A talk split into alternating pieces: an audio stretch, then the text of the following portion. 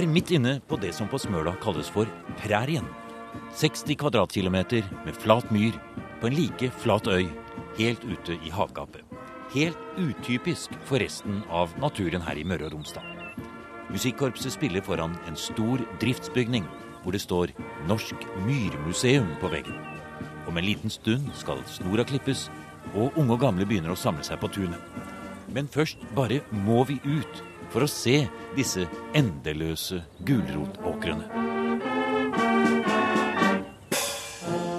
Her vi står nå, så ser vi mot sør. Øst, nærmest.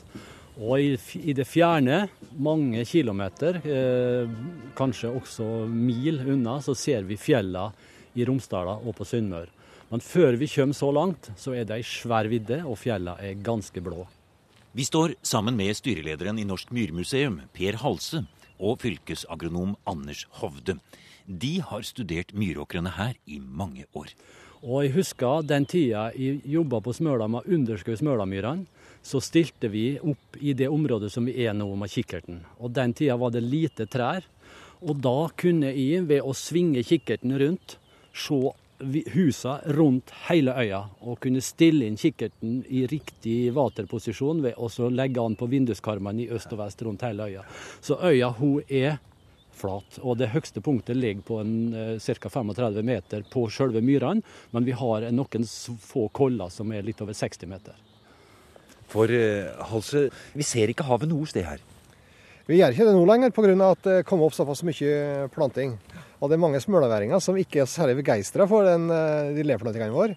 For de mista utsikten til havet. Ja. Så det er klart det er jo et problem som vi må løse da. Så vi har jo hatt en del eh, motorsagkurs her for at folk skal få føle at de har kontroll på skogen. Ja.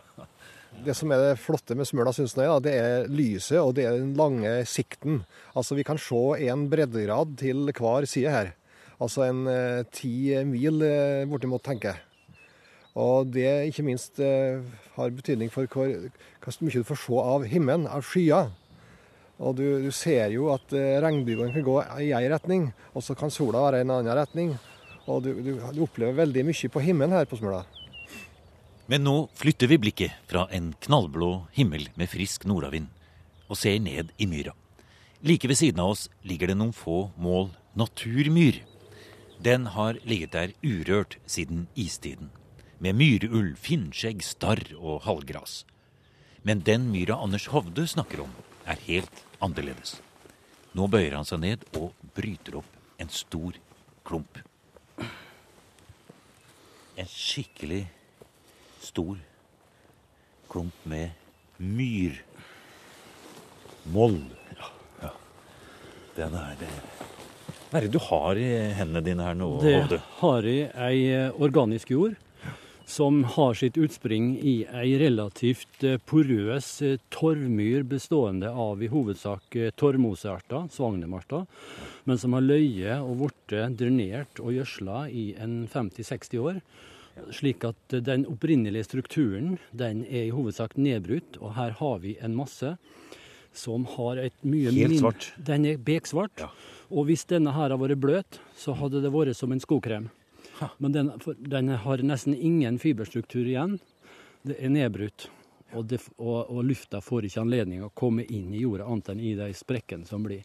Det er en veldig dårlig struktur. Så, så egentlig så er jo ikke myra egentlig en ressurs for jordbruksaktivitet altså aktivitet i det hele tatt. Før man altså begynte å kaste seg inn i det på 1920- og 1930-tallet. Og til å begynne med så gikk det vel egentlig ikke noe bra i det hele tatt? Nei, det gjorde ikke det. Så da, de første 30 åra da de starta opp her, så begyntes det med problemer med å få gresset til å vokse. Og det var kornet som ikke ville mate seg.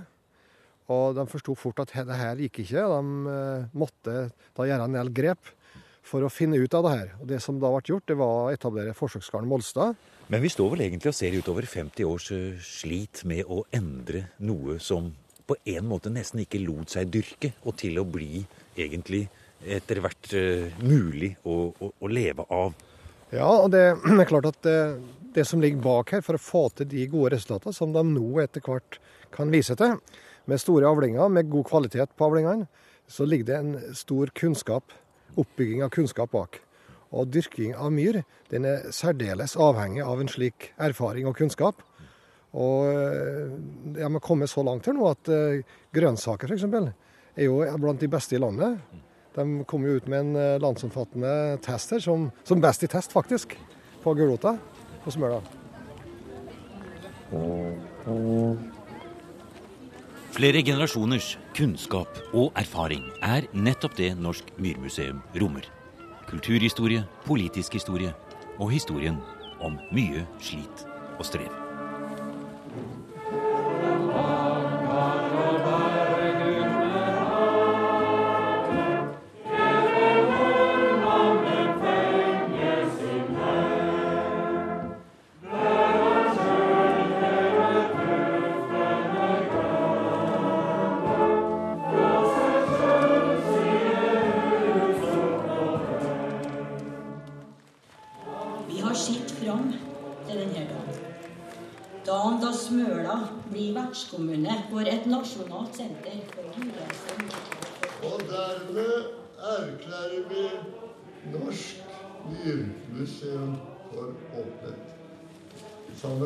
Sterke karer så gikk dette veldig greit.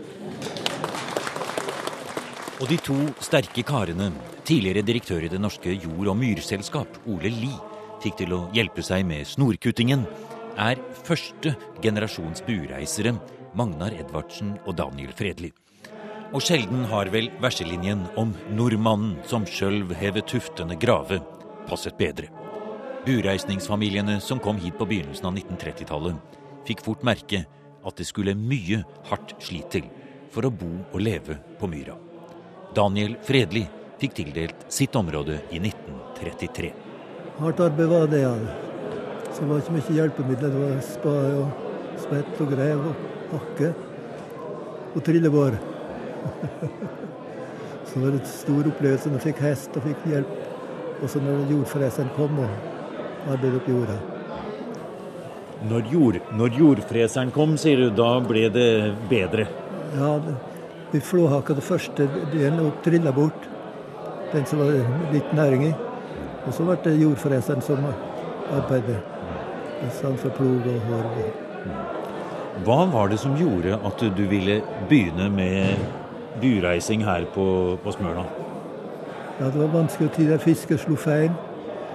Og mange var i nød for vi ikke hadde arbeid noen ting. Og da så jeg de store eh, viddene som lå udyrka. Og da var det ny jord kom. Det var ikke et grønt strå eller noen ting. Og ikke busker så. Det var sauer og kyr som gikk beit på det som var. Ellers så lå det udyrka. Hvis du ikke hadde begynt med bureising her, hvilke valgmuligheter hadde du den gangen da, slik som du tenker tilbake på det nå? Ja, jeg, gikk, jeg var her på Østlandet et par år. Og så morsøster arbeidet to år gratis på en gard. Og så gikk jeg på landbruksskolen. Og det var der jeg fikk tilbud at de fikk høre at de begynte med de store viddene. Da var det, det var hjemme og så etter sauene på og så var det store udyrka viddene. Og tenkte på da skal jeg komme og hjelpe til. Og det gjorde du? Jeg gjorde det. Ja. Jeg gikk, det var noe tilbud og gikk på Randaløkskolen, så ble jeg innbudt til rektoren. Han ville at jeg skulle gå videre på Ås. Han fortalte at, han, at jeg gikk ut med samme hovedkarakter som han. Men så tenkte jeg det av åtte søsken er den eneste som går på videre skole. Og far har ikke penger, og ikke var vanskelig å få lån. Så så det uråd å begynne på skole. Så tenkte jeg får begynne der oppe. Men han visste hvor det var, sa han nok. Var å arbeide ti timer gikk det på selskapet Ny Jord for å tjene penger. Og så arbeidet jeg hjemme om kvelden og nettene. Men var det verdt det, syns du?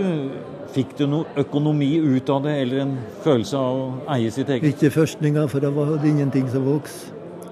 Pelsen var på Jensberg, så at det var bare poteter og gras som vokste på Smøla. Så tenkte jeg, det trodde jeg ikke det, for det går ikke. Men det var bare det som vokste da.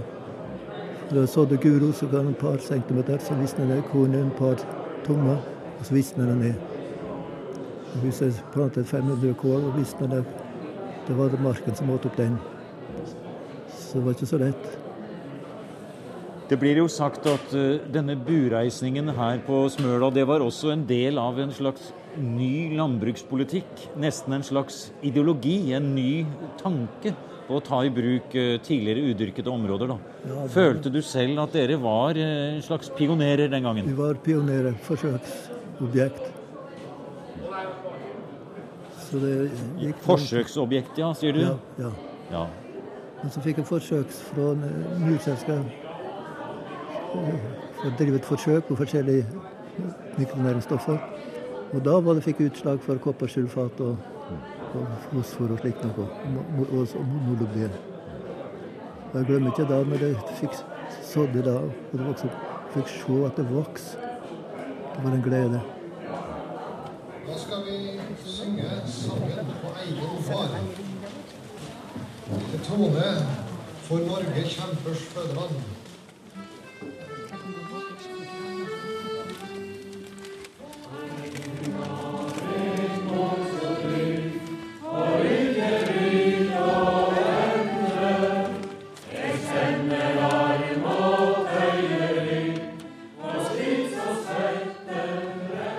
På Norsk Myrmuseum kan man se redskaper, den første traktoren, fotografier av slitets menn og kvinner. Men man finner også anegalleriet til den ideologien, politikken, som lå bak den store bevegelsen som selskapet Ny Jord og bureisningen representerte i starten på forrige århundre. Og få steder er denne politikken mer tydelig enn akkurat her på Smøla, sier historiker Ståle Tangen. Ja, her skulle det bureises for enhver pris. Og, og disse myrene her de blir nok valgt mye fordi at det er flott. Det kan se ut som et Dakota i Norge. Eh, Du har som en prærie med blå fjell i det fjerne. Eh, Det at disse myrene var relativt dårlig egnet for landbruk, det visste man nok ikke så mye om. Men også etter at det etter hvert kom eh, fram, da, så, så var det jo ikke snakk om å gi opp her. Det ble bare pøst på da, med mer teknologi og mer kjemi for å få dette her til å, å, å kaste av seg. Og det, og det også ble vel sett på som litt sånn urnorsk, ikke akkurat den kjemien, men det at man skulle på en måte tvinge avdrått eller næring eller avling ut av ei gjenstridig jord som knapt nok var jord. Men det var harde og lange forsøk, og det var store summer som ble brukt. Og i ettertid, i ettertid, ettertidklokskapens skarpe lys, så, så kan man nok si at, eh, at, eh, at denne virksomheten nok hadde betydning i samtid. Men i ettertid så, så hadde man kanskje skulle gjort det på en litt annen måte. Ja, for å si det sånn, i ettertid, altså i våre dager, så er jo dette med å drenere myrer og dyrke opp myrer, det er jo direkte forbudt, det. Ja, det hadde jo aldri blitt satt i gang noe sånt eh, i dag. Men eh, vi må nesten eh, unnskylde det, eh, disse dri, driv, driverne her, fordi at eh, vi kan nesten ikke dømme dem ut fra dagens kunnskap. Vi må tenke oss hvordan det så ut da, og da skulle man bygge en nasjon. Og dette her var et virkemiddel for at eh, at eh, disse nasjonsbyggerne skulle få sine drømmer realisert. Og ny, Nybyggeren, eller bureiseren, han var et middel. Akkurat som Isak Sellenros Hamsun. Bureiseren skal vi ha respekt for. Det er, var slitets mennesker til de grader. Men de vi står og ser på her, Tangen, det er altså mann med frakk og, og, og hatt anno eh, rundt 1905 og årene etter, og med selveste er det ikke Håkon den syvende som sitter i, i midten her, sammen med et flott kobbel av mennesker. Det spørs om ikke han har gitt eh, eh, St. Olav til eh, halvparten av de som står der. Det er Wedel Jarlsberg og mange andre prominente personer. Det var eh, ideologene bak bureisningen. Ja, det var det. Og, og kongehusets medvirkning her, eh, den, Han kan jo bare spekulere i ettertid, men man kan jo tenke seg at det var en del av det. Dette var jo en ny konge på den tida. Han skulle jo bygge seg opp i en politisk eller en eh, plattform for sin, sitt monarki. da. Og, og det var ikke så urimelig å tenke seg at, eh, at eh, dette med å da kaste glans over bureisinga, og også delta i en viss grad finansielt, som han også gjorde, det, det ble vel sett på som en naturlig del av en, eh, en som skulle da bygge seg opp til å bli det vi etterpå kaller for en folkekonge. Faktisk så var kong Haakon 7. sammen med disse viktige personene også her på Smøla. Ja da, han var på Smøla. og Han var jo flere steder i Møre og Romsdal òg. Og han var på, på bureisingsbruk og besøkte da selvfølgelig de veldig vellykkede bureisere. Så, som kom da, og, og, da var det store komiteer som var med han. da, Store følge som kom på Bureisingsgården, som var veldig selvfølgelig den beste gården man kunne finne. Og det, og det hele hadde et veldig pompøst preg, egentlig. Det kunne jo virke litt komisk i ettertid å tenke seg en, en dusinvis av menn med frakk og hatt ute i denne myra.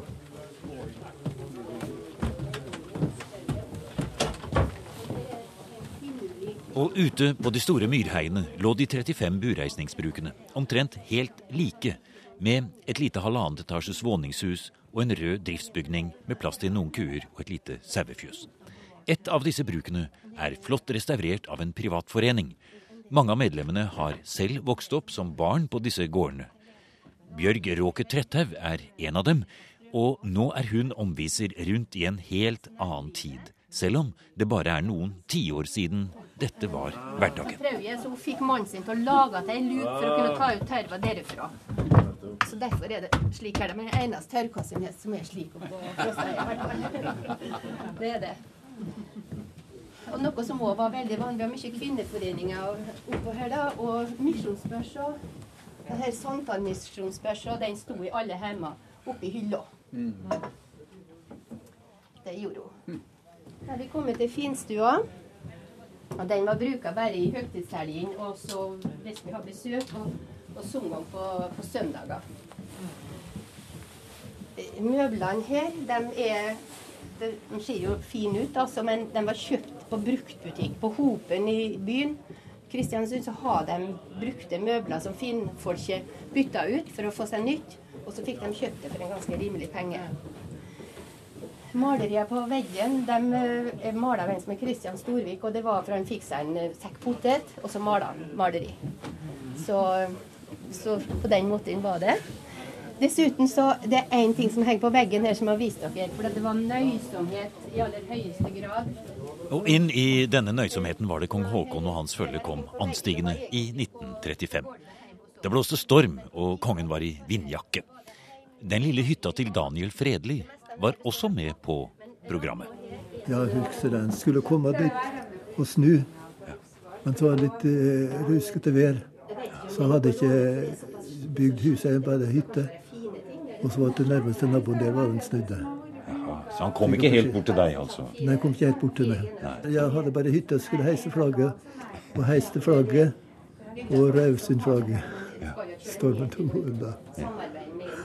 Så huset der fikk ødelagt flagget mitt. ja. Stormen tok flagget til Daniel Fredelig.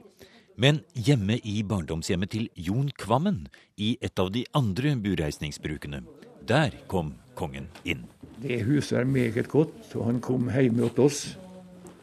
Så jeg sto igjen med kjøkkenbenken hele familien og venta på følget skulle komme. For vi har fått beskjed om at kongen vil gjerne, og følget vil gjerne besøke en bureiserhjem.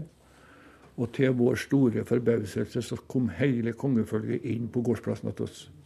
Kong Haakon da, i spissen, og fylkesmann osv. Så, videre. så kom han og tok oss i hånda. Og... Ja, du var vel en tiår eller noe sånt? I 35. Da måtte han være eh, ni år, ja. ja. Så du husker dette her? Ja, ja, ja. Det husker jeg godt. Ja.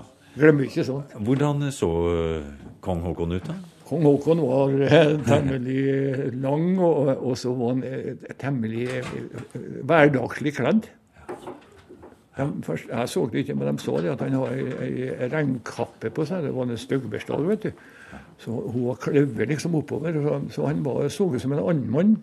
Kanskje det var med, med, tanke på at han skulle kle seg litt som om han skulle besøke budreiserne. Ja, kom, kom kong Haakon inn på kjøkkenet til dere? Han kom inn på kjøkkenet, og så gikk han inn i kammerset den gangen, og stua, og inn i gangen, opp trappa, opp på loftet, ned igjen og sto og prata med, med, med, med fylkesmannen i gangen, og så for de sin vei.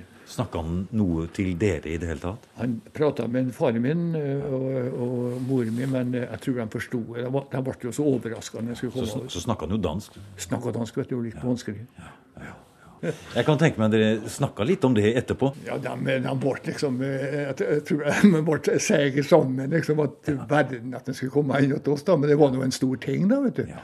Kom jo i avisa, da, vet du. Og, og, og Faren min og moren min sto under at den besøkte Bureinsingsbruket Kvam. Ja. Tilhørende Anna og John Kvammen. Ja. Det var en stor ære, det. En stor ære, vet du. Ja da. Ja. Men dette kongebesøket, Kvammen, det var jo selvfølgelig en helt spesiell begivenhet. Men eh, det var vel, eh, det var vel en relativt hard hverdag, vel, å vokse opp på et sånt sted? Ja, det, det var ikke tvil om det, bare for oss unge. Og det vi var det, det, var Vi tok opp Det første vi skulle gjøre, det var å tømme gjødselkjelleren ute på marka. Så var det nedi tervhullet som vi sa, tok opp torv. Der gikk det 14 dager i arbeid. Og så kom våronna. Og så kom slåttonna. Og så kom høstonna. Det gikk mest i ett kjør hele tida. Bureisningen på Smøla er en del av den organiserte bureisningen som foregikk mange steder i Norge. Kanskje så mye som 5000 arbeidsplasser i jordbruket ble skapt på denne måten. I Gerhardsens Norge etter krigen ble denne politikken forlatt. Så bureisningen, sier historiker Ståle Tangen, må vi se på som ettervirkninger av 1800-tallets romantiske forestilling om å bygge det nye Norge. Ja, hvis vi tenker oss eh, åra framover mot 1905, så var det vel da snakk om å kunne Vi skulle bygge en nasjon. For å bygge en nasjon så måtte vi ha folk. Og for å ha folk så måtte vi først og fremst stoppe lekkasjen, altså utvandringen til Amerika. Og Derfor så ble det da opphøyd til en mytisk eh, prosjekt, nærmest. Å stoppe utvandringa, som, som, da var sett på som nærmest umoralsk. Eh, når man da eh, hadde holdt på med det en stund, så slutta utvandringen av seg sjøl, av helt andre årsaker. Mm. Og bare for å skyte inn der, Myrselskapet det hadde jo en nær eh, samlevelse med det som het Selskapet til emigrasjonens innskrenkning. Ja, det ligger jo litt i, i, navnet. Formålsparagrafen var jo å hindre utvandring i dette selskapet som da ble danna i 1908. Mm. Og, og, eh, det var det som var fokus de første åra. Og eh, fram til første verdenskrig, da ble det jo selvfølgelig et annet fokus. Bl.a. pga. at matforsyningsspørsmålet kom opp. Eh, krigen kunne føre til importproblem på korn. Dermed så ble matforsyning et nytt motivasjon for å drive med denne bureisinga. Og Før krigen var slutt, så var det jo revolusjon i Russland i 1917.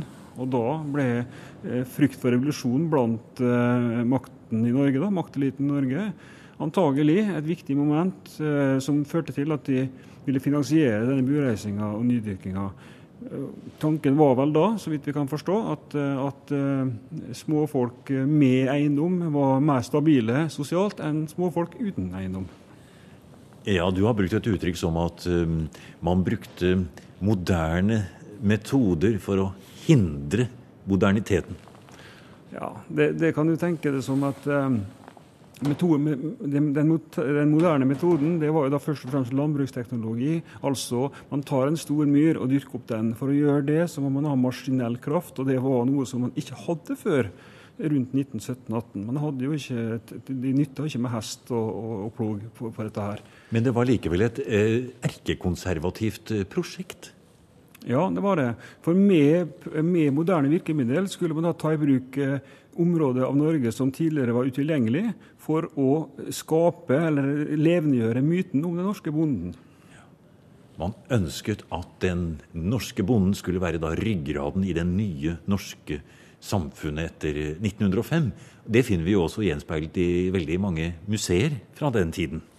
Ja, det er et typisk trekk, og det er helt gjennomgående. Og Man så på, da, på landbruket og bonden som eh, det stabile i samfunnet. For det kjente man jo fra før. Eh, vi har jo vært bønder i dette landet her så lenge vi har vært her, omtrent. Mens industriframveksten den var jo selvfølgelig interessant, for den kasta mye økonomi av seg. Men den var samtidig farlig. Og den ble jo sett på som eh, at den kunne degenerere ungdommen f.eks. i byene. Og da, når vi går inn i Myrmuseet i, i, vår tid og ser tilbake på disse prosessene som du har eh, snakket om her nå, hva er det da eh, som skal være museets eh, budskap, så å si, når det gjelder å forstå det som førte frem til bureisningen og oppdyrking av myrene her? Ja, først og fremst så må dette her kunne ses på en dokumentasjon av et faktisk historisk forløp, som har betydning i den forstand at det faktisk skjedde, og at det da faktisk er en del av den grunnen man står på i dette landet her. Det er en del av vår fortid, og vi kan like det eller ikke, men det er en del av vår fortid. Og Mye av det er jo, var i alle fall veldig ærerikt den gangen, ble sett på som det. og Nå kan vi kanskje se på det som mer originalt og aparte.